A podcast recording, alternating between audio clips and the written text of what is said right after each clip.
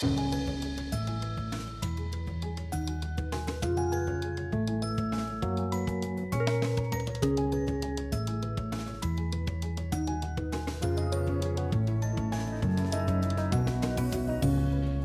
skal vi inn i polheltene, oppdagerne og tindebestigernes litterære rike. Få følelsen av åpne vidder, høye fjell og dype daler. Det skal handle om reiseskildringer skrevet av norske forfattere etter krigen, om reiser i Norge og i utlandet. En kategori som er tøyet litt for anledningen, slik at den også inkluderer DNTs årbok, og en kvinnelig fangstmann og en svensk-norsk rallykjører.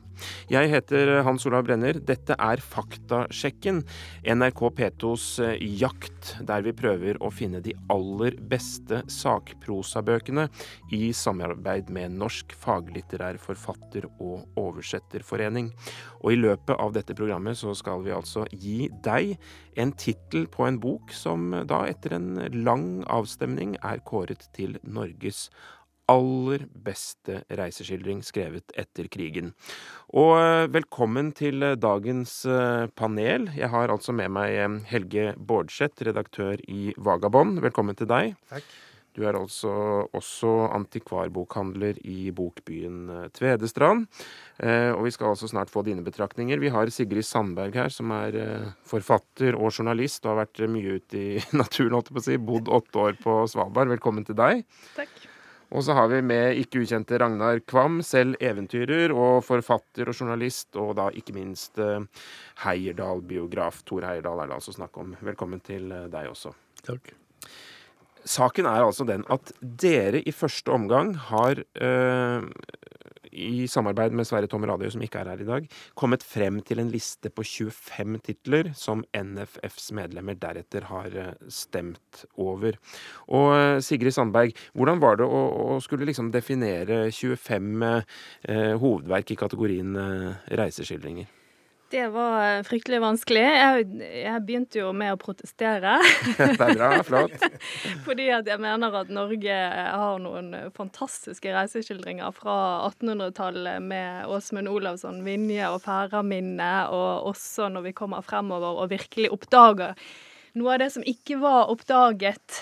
Noe av det lille som ikke var oppdaget igjen på kloden, nemlig Nordpolen og Sydpolen og deler av Arktis. Eh, og disse skildringene til Nansen og Grønland, selvfølgelig, på ski over Grønland Nordpolen var det jo noen andre som var først på, dessverre. Eh, men disse skildringene får da ikke plass her når de skal være skrevet etter krigen. Nei, og jeg Så tenkte dette- hvor all er det blitt av Helge Ingstads pelsjegerliv? Ja, sant, og den er også skrevet før krigen, men, vi, men vi, vi har greid å få Ingstad inn på denne langlista her, da, med to titler, tror jeg. Eh, Så dette har vært en, eh, en kamp, eller har det det? Nei, det har vel egentlig ikke det.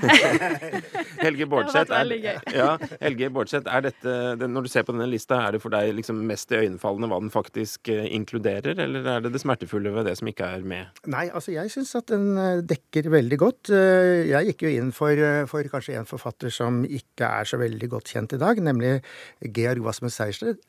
Og han, eh, han er nærmest glemt som, eh, som når det innen reiselitteraturen. Og han var veldig aktiv eh, forfatter sånn på av, slutten av 40-årene og begynnelsen av 50-årene.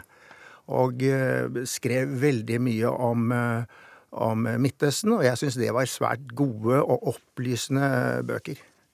Ellers så syns jeg at det, er, det, er, det er jo en del av disse forfatterne som er nålevende, og det er jo det er bra, det. Eh, jeg syns at det et eh, gir en god oversikt over, over eh, eh, gode reisebokforfattere. Mm, så da får vi se eh, etter hvert da, om vi vil være i stand til å ringe opp en eh, lykkelig vinner av forfatteren av eh, Norges beste reiseskildring, eller om det er en av eh, de døde som går eh, av med seieren. Ragnar Kvam, når du ser på denne lista over 25 titler, er det noen trend, jeg si, eller tendens, eller et eller annet som renner deg i huet når du, du ser sammenlignende jeg, bøker? jeg har jo vært med på å foreslå dette her, og du presenterte meg som eventyrer. Eh, ved siden av alt Det er greit, annet. Ja, det er greit. Jeg har jo seilt jorda rundt noen ganger alt det der, og skrevet bøker om det. Så jeg er glad for at vi har fått med oss f.eks. Carl Emil Petersen og Erling Kagges bøker. Og eh, Lars Monsen han er jo velkjent for både seere og lyttere med sine, sine strabaser i villmarken. Og jeg syns at det er, en, det er en fin At de er kommet med, og at vi skal snakke litt om, om dem også. Den betyr, altså, er, det er en ganske sånn ellevill kategori på én måte, når vi da plutselig er i en situasjon hvor vi skal sammenligne eh, hva skal man si, eh, Helge Ingstad med Lars Monsen. Det er ikke så ofte det skjer? Nei, det er ikke så ofte det skjer, men de, kan jo, de er vel kanskje et annet av samme stykke. Ja, det vil si det. Ellers er det interessant med alle disse skal vi kalle dem litt politiske bøkene, da med Mor Afrika og, og 'Drømmen om Asia' til, til Færbøvik og, som, som, setter på en måte reiseskillene inn i et politisk eh, samfunnsperspektiv. Som, som jeg syns er interessant. Men Ragnar, er det noe som liksom kjennetegner de bøkene som har hatt størst appell til, til deg og, og dere i denne juryen? Ja, For meg så er en reiseskildring det er en som eh, det, er, det har med eventyr å gjøre. Det er vel det som, Jeg har jo skrevet noen reiseskildringer sjøl i den sjangeren.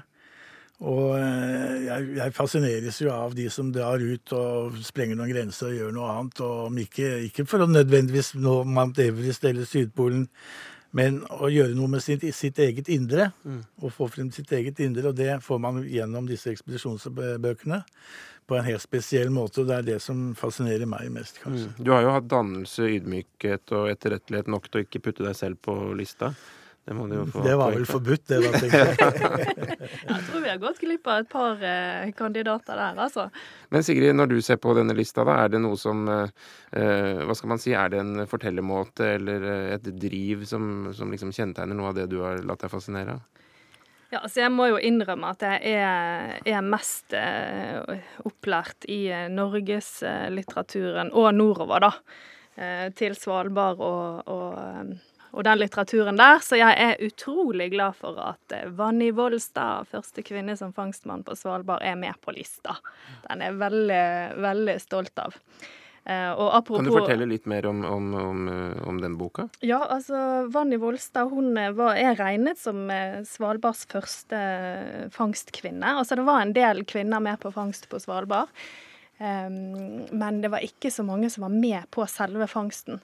Så det var liksom hennes, eh, hennes eh, bragd, på en måte. da. At hun syntes det var så utrolig gøy å skyte isbjørn og være med på alt. da.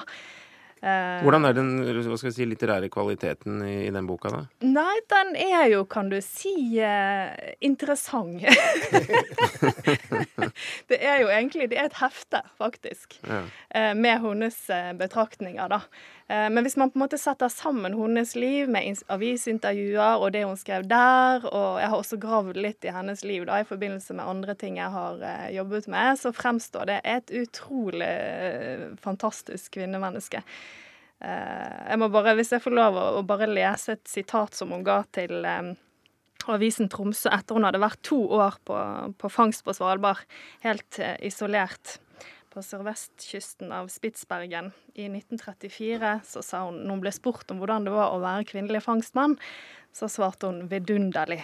Til tross for farer, spenning og anstrengelser er det en ønsketilværelse. Jeg vil i hvert fall ikke bytte med noe annet. Svalbard har gått meg i blodet, og jeg kan ikke tenke meg noen andre steder å leve enn der. Hmm. Da gikk det i blodet òg ja, altså jeg syns jo disse kvinnene greier å nyansere og utvide det bildet av polarhistorien som vi har, da. For de er ikke så ekstremt opptatt av heltebygging, og de greier å på en måte få frem både lengsel og glede, og kanskje på en måte de klarer å, å, eh, å gjøre det. Og, og, kanskje det er noe av trusselen, da. At de på en måte avmystifiserer litt av det enormt barske polarbildet som, som mannfolka liksom har, har, bygget opp gjennom 100 år. da. Mm. Så jeg er veldig glad for at hun er på lista. Og Cecilie Skog er også på lista. De ligner litt. De er omtrent like høye og, og, har danset seg inn i mannens tøffeste terreng med latter og glede. mm.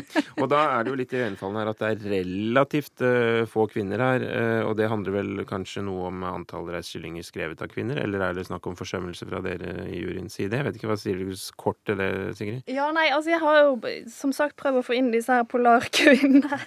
Uh, så har vi vel et par til også på lista. ja, for jeg tenker Erika Fatland er her, og det må jeg berømme dere for å, å ha har valgt ut titler nært oss i tid også. Jeg vil spørre deg da, Helge Bårdseth. Altså, en tittel her som jeg bet meg merke, det høres ut som en romantisk uh, komedie jeg fikk lyst til å, å, se, holdt jeg på å si, eller noe litt lettbent. 'Moro i Mexico' fra 1961 av Greta Molander. Hva i all verden er det for noe? Greta, Greta Molander var jo eh, veldig populær. Både Hun var jo rallykjører, og, eh, og hun, hun, og mannen Petrus altså tegnet de, de, var jo De skrev jo i, i, aviser og hadde faste spalter der, og, og hun var en veldig, veldig populær skribent i, i veldig mange år. Mm. Men det er klart at når man ser på denne listen her, så ser man jo det at det er jo ikke alt som er av veldig stor litterær verdi.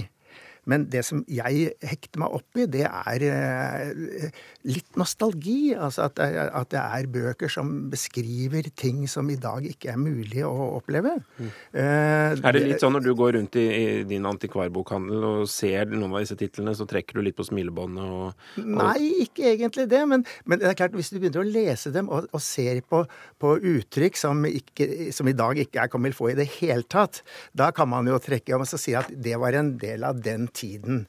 Men, men, det er klart at f.eks. En, en bok som eh, Wilfred Skrede, da, 'Veien over verdens tak', det har jo en veldig spennende eh, et spennende bakgrunnsteppe. Han, eh, han rømte jo i, i 1941 og først over til Sverige og rømte da egentlig Han skulle over til Canada og rømte den gale veien, egentlig. Han rømte gjennom Sovjetunionen, Kina og India ned til Singapore før han kom med, med seg om bord i en båt og, og til, til Canada.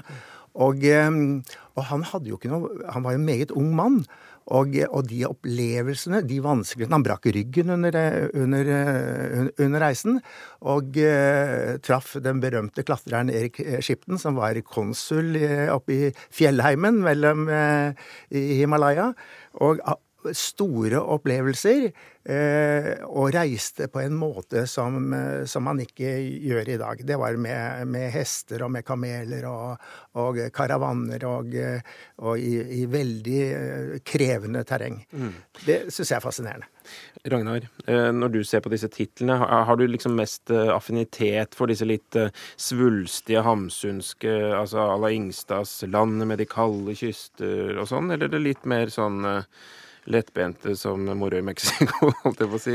Eller så har vi også Pål Brekke her med en munnfull av Gangis. Det var også et litt originalt uh, ja, jeg valg. Jeg kjenner ikke de bøkene, men uh, altså disse titlene de kan, jo, de kan jo være svulstige kanskje noen ganger, men det er jo innholdet som er interessant. Og med, med Ingstad som bygger opp en uh, fantastisk portefølje med bøker frem til en av de bøkene som er med her, det er 'Vesterveg til Vinland'. Altså hvor han finner tuftene på Newfoundland. Mm. Hvor han bestemmer at her har eh, vikingene faktisk kommet med, Eirik, eh, med, med, med Leif Eirik, Eiriksson og fra, fra Grønland. Og eh, han kjemper jo mot, akkurat som Thor Heyerdahl i sin tid. De kjempet mot eh, vitenskapsmenn som sa at nei, det er ikke mulig. Det sa de samme om Kon-Tiki-ferden til, til Thor. Og, eh, men de klarer begge to å, på en måte å få gjennomført sine ting diskutere teorier.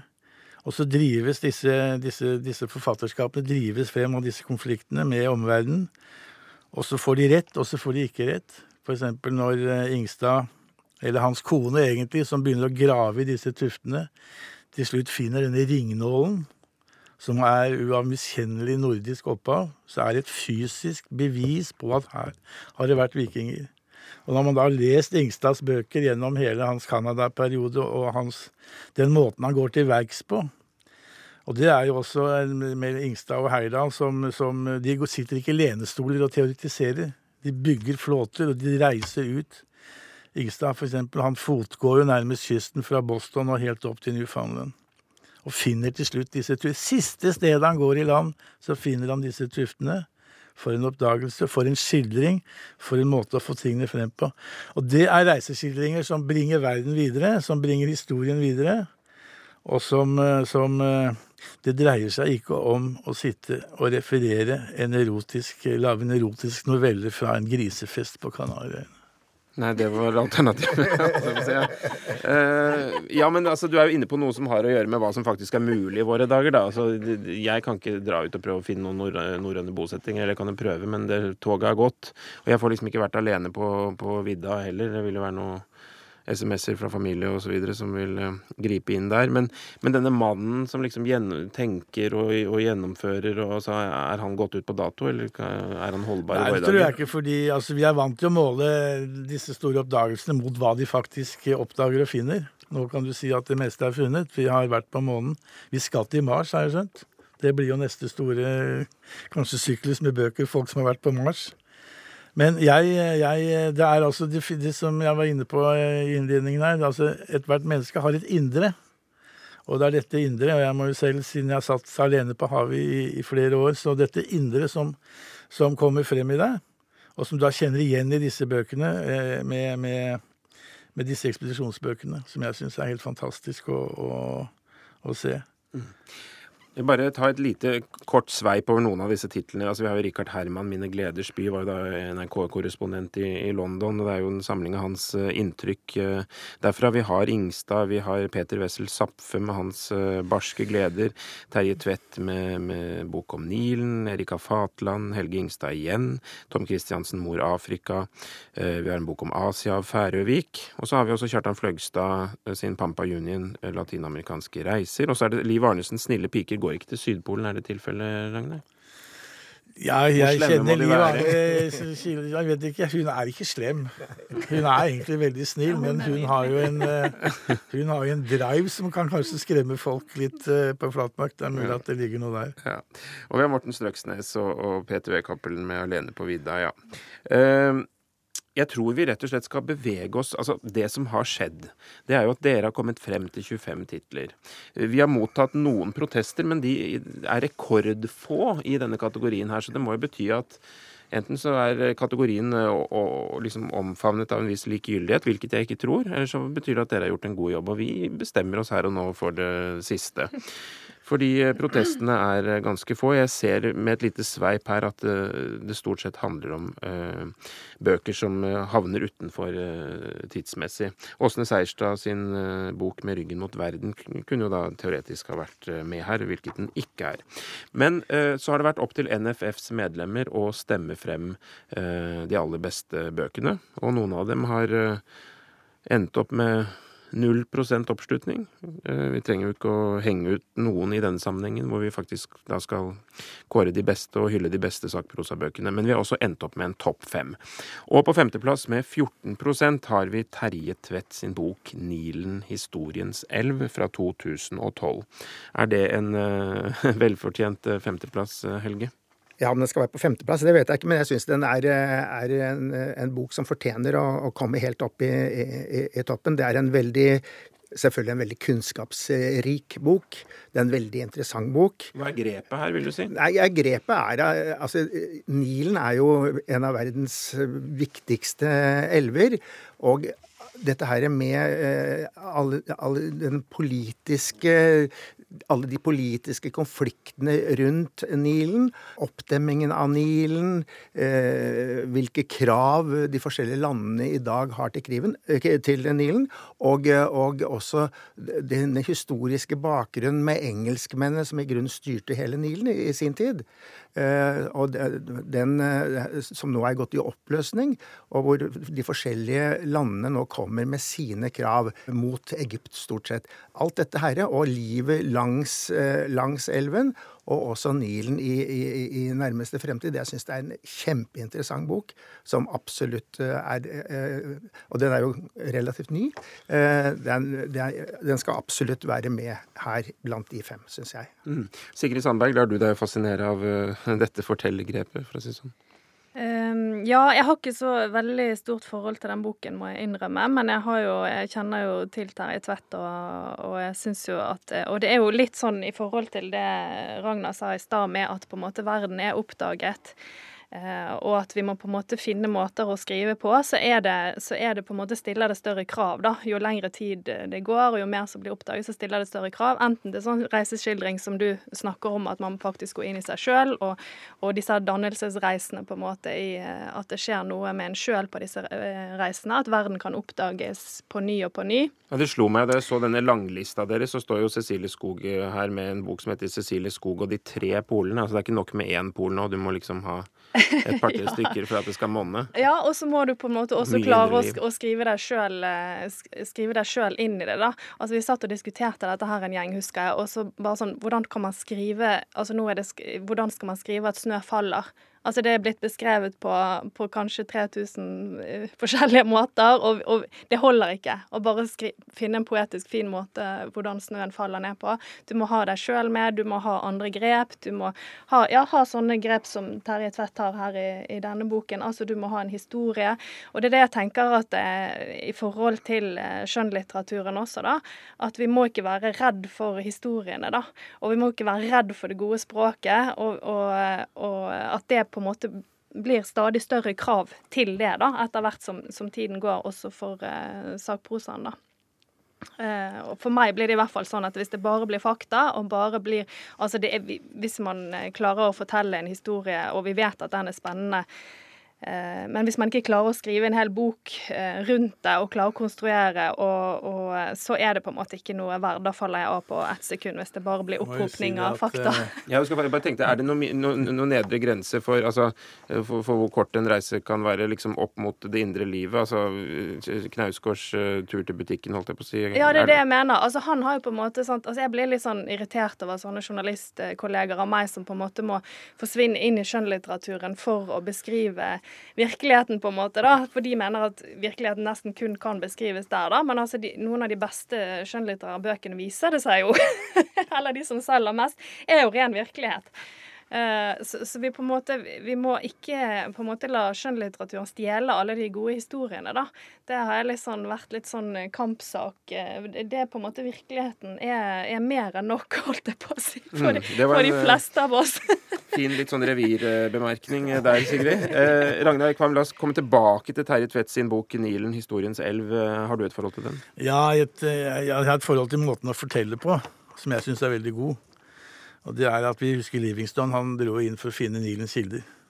Og Det gjør for så vidt Tvedt også, men han vet jo at kildene de er jo beskrevet. Hvor den elven vannet kommer fra. Men han reiser inn for å finne de kulturelle kildene, og de historiske kildene, de religiøse kildene. Alle disse tingene som omgir Nilen eh, i mer abstrakt form, som han får frem på en aldeles utmerket fin måte. Så er det alltid politiske, alle disse damene og alt det sånt noe. Men det er det derre det abstrakte som jeg syns han får frem veldig, veldig bra. og som jeg, som jeg, setter... Så det blir også en reise i filosofiens verden der han trasker langs elven. Syns mm. det er veldig flott. Så da sender vi av gårde en eh, aldri så liten gratulasjon egentlig til eh, Terje Tvetta, som erobrer eh, femteplassen her i vår fornemme kåring av de beste sakprosabøkene i ulike kategorier da, etter krigen. vi går over til fjerdeplassen, og nå er det vel et tenkende ekte mannfolk det skal handle om, nemlig Peter Wessel Zapfe og hans eh, bok 'Barske gleder' fra 1969. Som vel er en eh, samling tekster som eh, først sto på trykk både her og der, men som det er samlet og slik at de ble til glede for mange lesere. Og Peter Wessel Zapfe, er det noen som kan gi oss en liten Jeg har lært meg at man ikke skal ta noen ting for gitt. er det noen som vil orientere oss litt om hans liv og virke? Jeg har faktisk gått en liten tur med han. Har du det? ja, Fra Finse og opp til Midtdalen, eh, Hardangerjøkelen. Eh, det er mange år siden. Eh, men han er jo en Altså, hans tørrvittige humor er jo helt Samtidig som den er veldig frodig. Jeg kjenner mest det han har skrevet om fjellet. Eh, og eh, Hva er forholdet hva skal man si, mellom eh, hva man bestiger og hvor man går, og, og det indre liv hos den som opplever og, skriver? Nei, det er jo, det, det er jo, det er jo ikke, ikke det å komme på topp vitenskapen som er det viktigste, hvis, hvis man tenker på uh, fjellitteraturen. Men, uh, men, han kommer da med en rekke filosofiske betraktninger om det å, det å både klatre og, og, og, det å gå i fjellet, som er evigvarende. Det er ikke noe som uh, kan knyttes til noen spesiell tidsperiode. Det er noe som gjelder for, for, for mennesker i dag også. Det, og det er noe av det som er styrken hans. Det er evigvarende.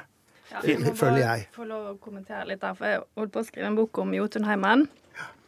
Og uh, i denne boken så skulle jeg selv da bestige noen tinder for å utvikle mitt indre sjelsliv. Nei da. Men da leste jeg Zapfe, da. Ja. Også den dagen da jeg skulle bestige Storen, da Store Skagastølstind så kom disse ordene fra Peter Wetzel Zapfe så enormt til meg da, at jeg begynte nesten å grine.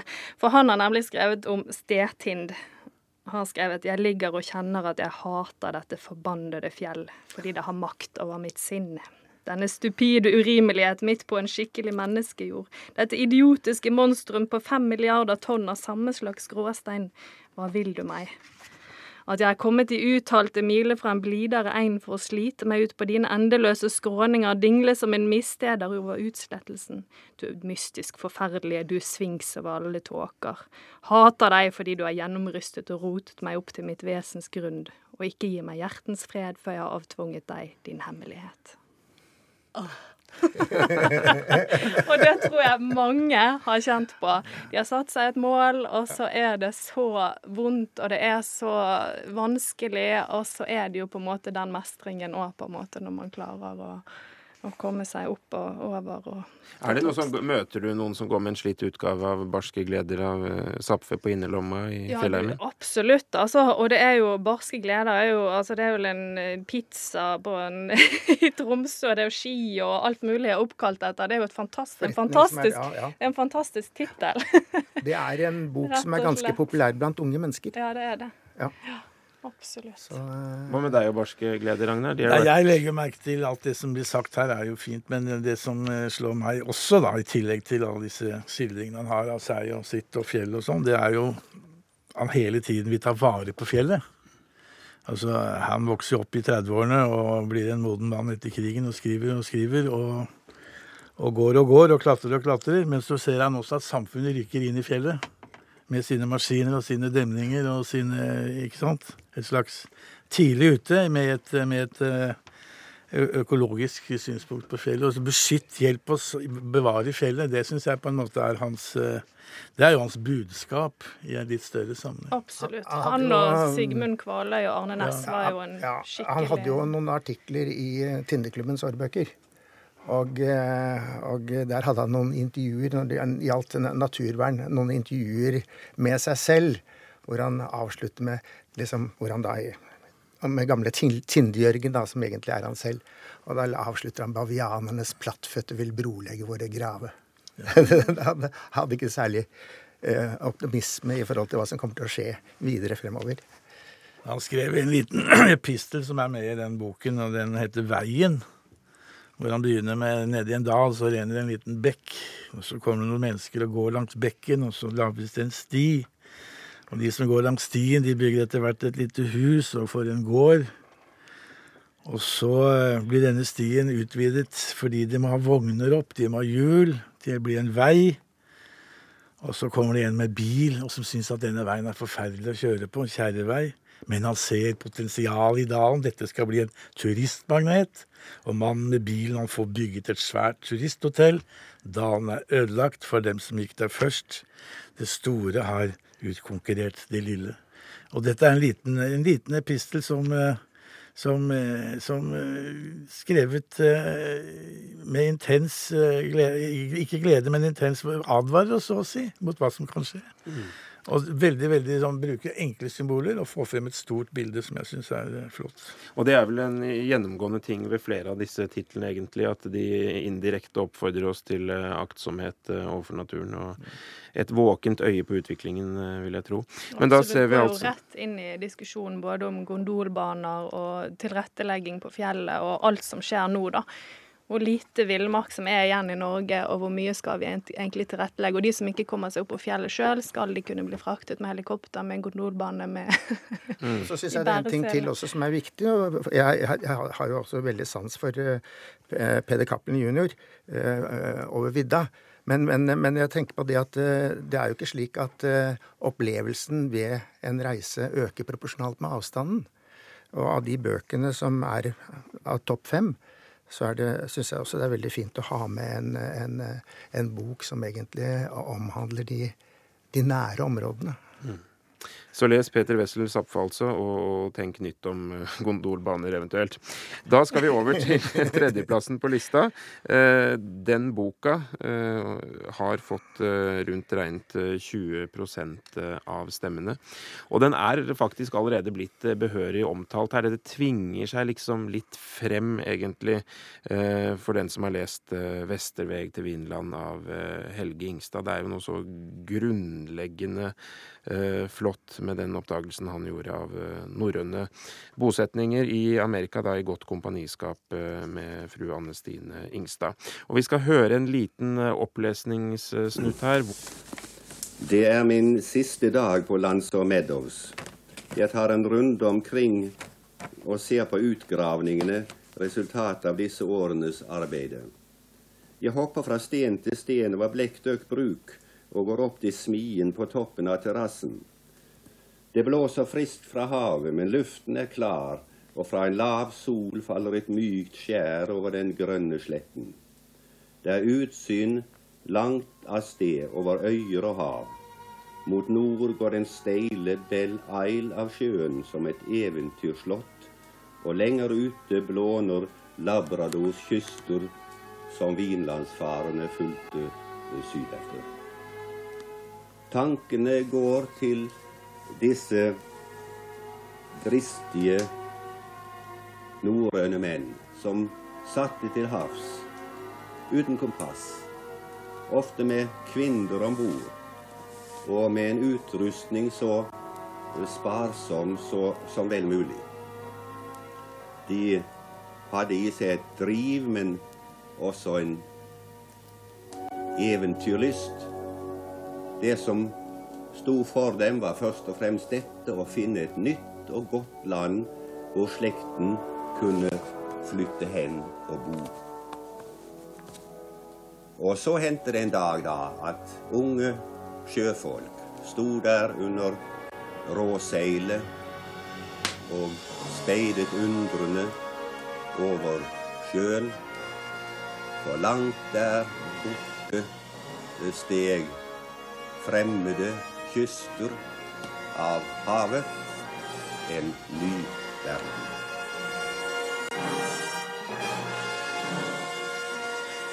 Ja, Helge Ingstad leste da fra Vesterveg til eh, Vinland. Klippet er hentet fra et eh, NRK-program laget i 1965.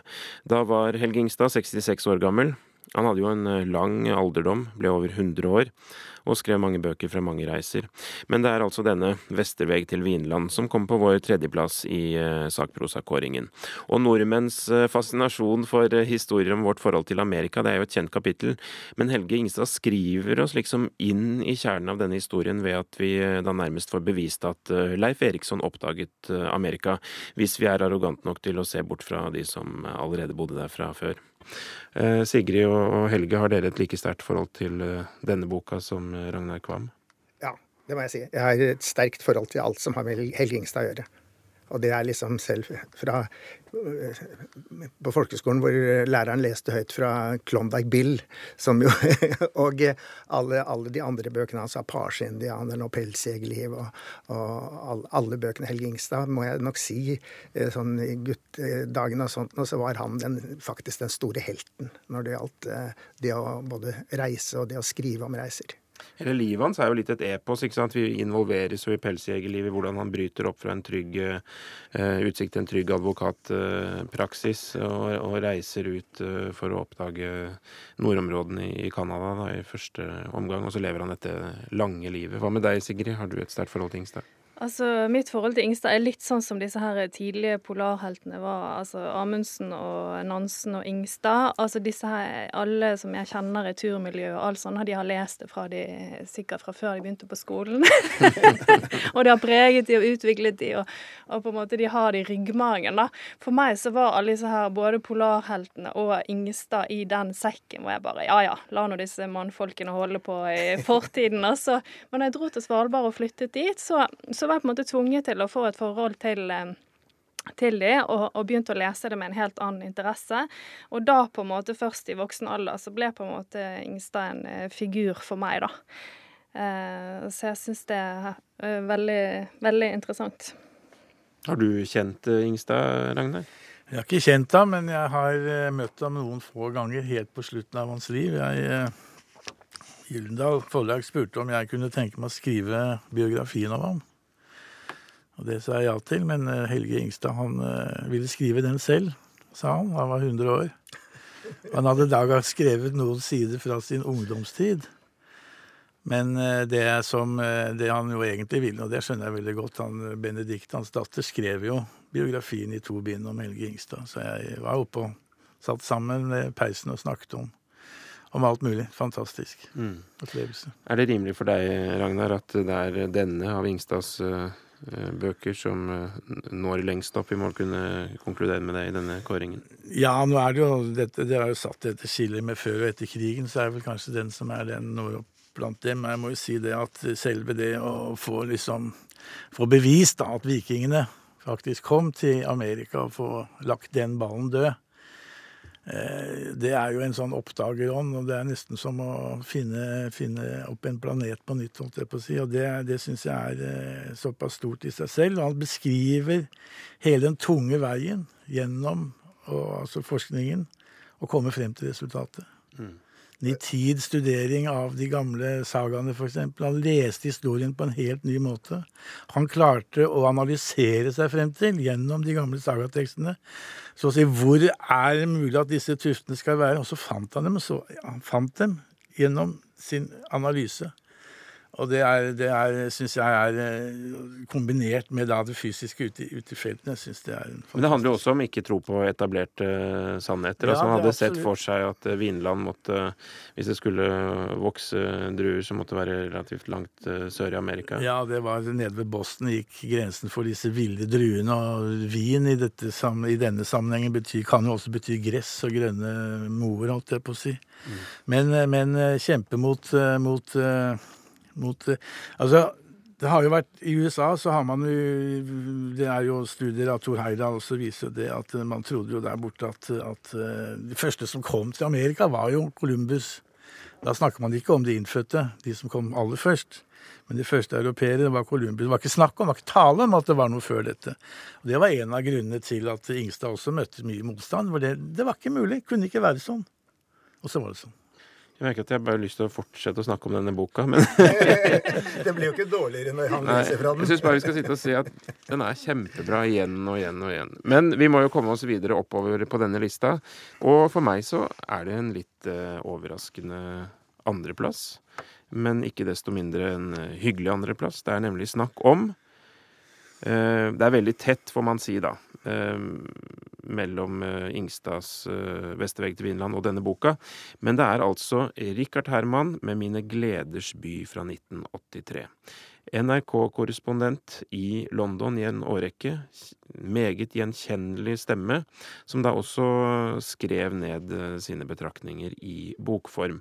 Og her skal vi altså høre en av Richard Hermans rapporter om London og dokkene, et lite utsnitt. Det første dampskipet kom opp til London i 1815, men seilskutene kom og gikk som før hele forrige århundre. Samtidig med dampskipene kom veldige nye dokkanlegg, med dokkporter som kunne stenge slik at man ikke lenger var avhengig av tidevannet i samme grad som før. Det begynte med East India-dokkene i 1805, og andre fulgte på løpende bånd. St. Catherine-dokkene i 1828, Victoria-dokkene i 1855, Millwall-dokkene i 1868, alle på nordsiden av elven. På sørsiden fikk man Serry-dokkene, der Den norske sjømannskirken kom til å ligge, i 1864. Til sammen ble det nesten 60 km med kaiplass. London er ikke lenger verdens største havneby, og heller ikke det stolte midtpunkt for et mektig verdensrike. Skipene går ikke inn til selve byen lenger. I løpet av bare en mannsalder er alle de veldige dokkanleggene lagt ned, ett for ett. Skipene stopper lenger ute i Themsen nå til dags. Containerskipene ved Tilbury, tankskipene ved svære nye oljeanlegg enda lenger nede i elvemunningen. For første gang siden London ble grunnlagt for et par tusen år siden, er Themsen faktisk i ferd med å bli en elv uten særlig annen praktisk verdi for byen den skapte, enn å sørge for vann til a nice cup of tea. Og det kan synes ille for en elv med slike store fornemmelser. Til gjengjeld blir den renere for hvert år som går. I middelalderen var Themsen så lakserik at læreguttene hos håndverksmestrene i de gamle laugene ba om å få slippe laks mer enn to ganger i uken. De levde og spiste hos mestrene sine på den tiden. Richard Herman med en av mange rapporter eh, fra London. Han oppholdt seg der i et kvart århundre med litt uh, ulike tilknytningsformer, men altså en lang periode som korrespondent for NRK. Og det er altså boka 'Mine gleders by' som har blitt nummer to på lista over Norges beste reiseskildringer, skrevet og gitt ut etter krigen. Og Ragnar Kvam, jeg må spørre deg, er Richard Herman, eh, som døde så sent som i 2010 for øvrig, for deg først og fremst eh, en forfatter av reiseskildringer, eller er han en stemme i radioen? Nei, han er en stemme. Han, eh, stemmen kommer jo til verden så å si før bøkene hans, og jeg forbinder jo Richard Herman med hans eleverte måte å, å kåsere på. Og når jeg nå har sittet og tittet, sett på denne boken, sett og opplevd noen av tekstene, så, så det er sikkert en veldig god bok, men for meg så er det stemmen og hans kåserier fra, fra 70-80-årene som er eh, det som sitter igjen hos meg.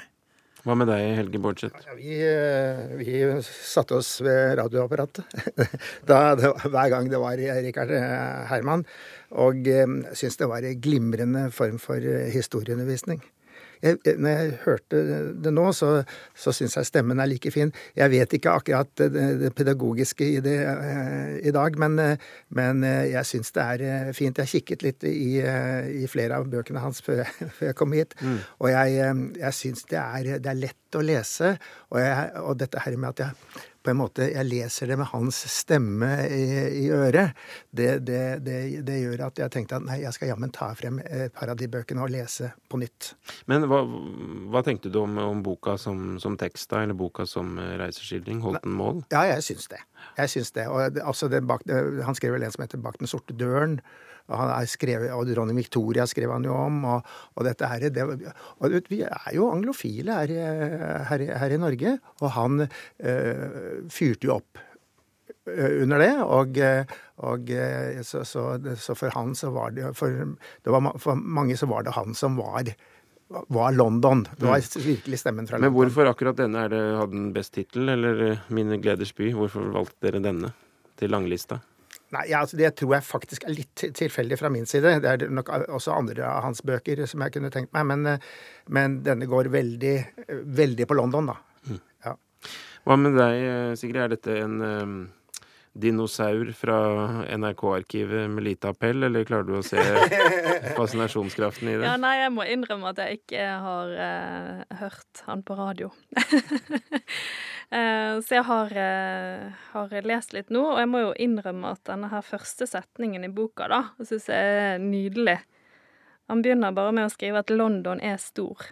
Hvis vi kunne ta med oss London hjem og slippe den nedover vår egen hovedstad, ville den fylle mesteparten av indre Oslofjord og ta med seg og, og, ta godt med seg av Nordmarka også. Mm. Og da får jeg Til og med Drammen. ja, altså.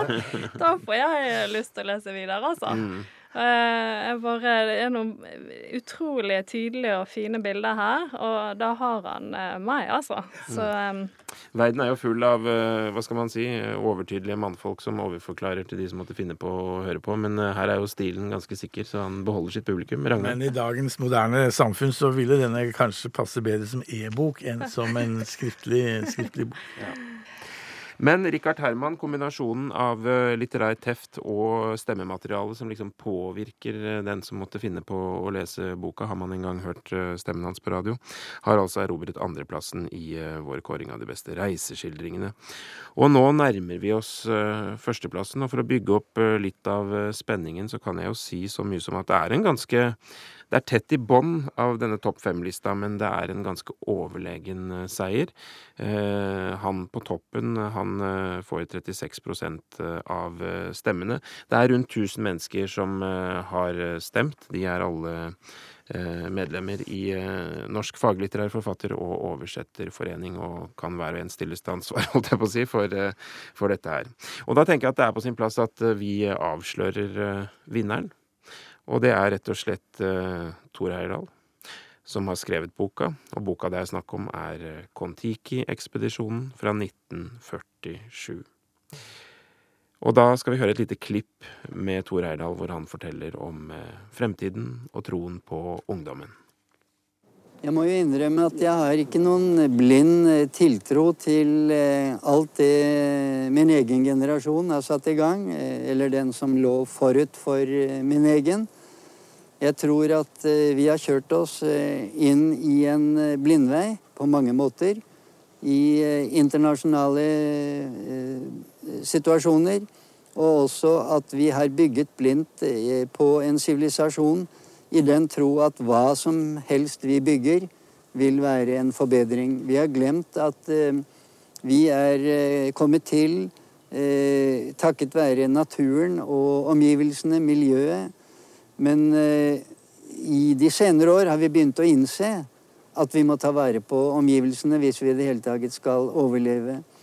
Og jeg tror at denne blinde tiltro til eh, det vi kaller fremskritt, eh, den er rokket hos de aller yngste. Det er mange ting de ser med klare øyne, at vi er på gal vei. Og jeg har eh, merket i eh, alle de land jeg har vært, at eh, ungdommen begynner å bli våken. Det er de som skeier ut og gir opp og setter seg ned og, og drikker eller tar drugs. Men eh, eh, majoriteten eh, tror jeg reagerer sunt. Og det er enorme muligheter for den ungdommen som vokser i dag, til å gjøre noe som kan redde menneskeheten fra katastrofe og få oss inn på fornuftig vei som vil gjøre at vi kan leve i uendelige generasjoner videre på denne vidunderlige planeten. Ja, der var det altså Tor Heyerdahl vi hørte. Umiskjennelig, og vi fikk til og med et lite uh, gjenhør med, med, litt av hans, uh, hva skal man si, noe spesielle engelskuttale. Men han har altså skrevet boka Kon-Tiki-ekspedisjonen. Han utførte selvfølgelig kompaniskap med mange andre, også Kon-Tiki-ekspedisjonen, som førte frem til at dette ble en bok, og nådde altså vinner av vår sakprosakåring. Og jeg må gi ordet til deg ganske kjapt her, da, Ragnar Kvam, du har skrevet biografi om Tor Heyerdahl. Blir du noen gang lei av å høre stemmen hans? Nei, jeg gjør ikke det. Det er like morsomt hver gang, og særlig når han snakker engelsk. Han var en kløpper i engelsk, så det er sagt. Han skrev, hadde et fantastisk ordforhold. Men han sang jo på det sin norske melodi hver gang han snakket på engelsk. Boka Kon-Tiki-ekspedisjonen, hva kan du si om den? Ja, Det er jo en, en, en bombe, så å si, i, i bokverdenen, i og med at den uh, fenget jo oppmerksomheten over hele verden. Solgte millioner eksemplarer ganske tidlig. Uh, det er det ene siden av saken. Og som da siden selvfølgelig da grunnlaget for hele resten av Thor Heyerlands liv. Det er en skildring av en flåteferd som vitenskapen, den, de som, som satt i lenestolene, som Thor Heyerdahl pleide å kalle dem, dømte nord og ned, kalte det en selvmordsekspedisjon, trodde ikke noe på det. Og eh, da han kom frem og viste at det faktisk var mulig å seile fra Peru til Polynesia for å vise at dette kunne indianere ha gjort før ham. Da han kom frem, så hadde han vist at det var mulig, mens antropologer i USA sa at det eneste han viste, det var at nordmenn var gode sjøfolk, men det visste vi jo fra før. ja, hvordan står eh, hva skal man si eh, debatten om sannhetsgehalten, eller hva man skal si i det Heyerdahl sto for der? Ja, altså Hans eh, teori, hans første spørsmål, det var jo siste, for øvrig også helt til han døde. Hvor kom polyneserne fra? Kom de fra Asia, eller kom de fra, fra Amerika? Og han mente at de kom fra Amerika, de første. Og eh, dette er jo en teori som eh, kanskje ikke står seg lenger. Eh, men han var eh, veldig stedig på dette. Og, og førte til masse kontroversielle møter med vitenskapsmenn. Han kjempet og kjempet. Han var Men som vitenskapsmann så var han, så var han eh, litt lemfeldig med metoder. Han var litt lite tålmodig. Han trakk konklusjoner for raskt. Og det som han mest ble kritisert for, det var jo at han, eh, at han ikke tok hensyn til argumenter som kunne motsi hans egne teorier. Han diskuterte ikke åpent med alle de argumentene som fantes, og det ble vitenskapsmennene ganske lei av. Det tror jeg faktisk de hadde litt rett i. Men hva skal vi mene om at en etterrettelig vitenskapelig eh, basert bok, altså Helge Ingstads 'Vesterveg til Vinland', erobrer eh, tredjeplassen, mens eh, hva skal man si, mer av en eh, røverhistorie eh, når helt til topps? Nei, jeg vet ikke. Altså, begge disse to bøkene har jo et eh, vitenskapelig eh, utgangspunkt. De er ute for å finne svar på et spørsmål. Og Kon-Tiki, boken til Thor Heila, det er en reiseskildring. Det er ikke en vitenskapelig avhandling. Den kom senere. Den kom noen år senere. Og, og eh, slik, eh, så det er en popularisert utgave, kan du si. Og eh, hvis, har, hvis du har tid i et par sekunder, så har jeg lyst til å fortelle litt om Helge Ingstads forhold til uh, Thor Heyerdahl omvendt.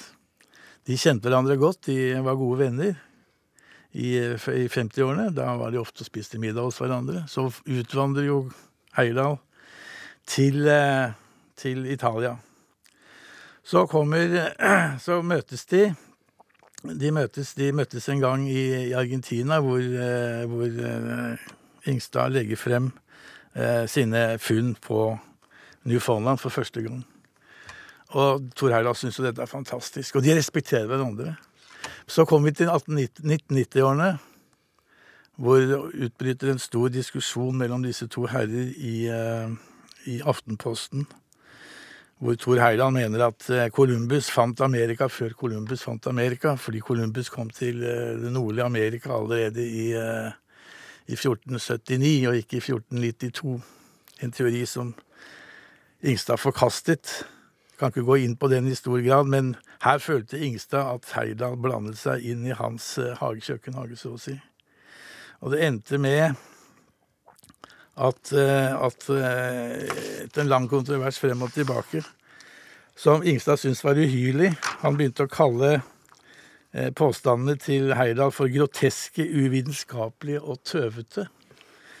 Og dette var, dette var uttrykk som ikke kom frem i, i noen avis. Det kom frem i et skal vi kalle det, upublisert intervju som Dagbladets Arvid Bryne hadde med, med Helge Ingstad en gang i 90-årene. Og så dette intervjuet det gikk frem og tilbake og ble rettet og korrigert mange ganger inntil de var enige om teksten. Men disse tre ordene ble stående. Og så griper Arne Skouen inn, den store, den store guru i Dagbladet på den tiden. Han stanser intervjuet. Sier 'dette kan vi ikke trykke'. Og så spør han hvorfor ikke det? Du skjønner det, Arvid Sarne Skaun, Vi kan ikke la våre to største gå i tottene på hverandre. Det har vi ikke råd til. Og det setter liksom Jeg syns dette den er en historie som Den er da ikke en anekdote, det er en sann historie. Og, og viser litt av spennet mellom disse to, disse to herrene som de var, de var like sta, like enerådende på sine felter, men de tålte ikke helt at de gikk over i hverandres Så da lot eh, Dagbladet oss også beholde tro, håp og kjærlighet, holdt jeg på å si, Ja. når det gjaldt Ingstad og, Skauen. og Sk- Tor Eirdal, Ja. Eh, hva med deg, Sigrid Sandberg? Har du eh, eh, noe forhold til Kon-Tiki-ekspedisjonen? Boka om Ja, altså jeg Kon-Tiki-ekspedisjonen? syns eh, altså disse her eh, to andre herrene i lokalet her kan mye mer om alt det der med det vitenskapelige og alt dette her, men jeg syns at den er steike godt skrevet. og det er på en måte bare Du bare blir rivd med og inn, og det er en sånn fantastisk historie. Og da måte det, det, Og det er jo hans sannhet og hans teorier, og på en måte som man sier, det er en reiseskildring, det er ikke et, et vitenskapelig verk, da. Eh, og det er et eventyr, selv om man ikke ville bli kalt eventyrer. Så, så eh, ja. En god leseropplevelse. Rett og slett.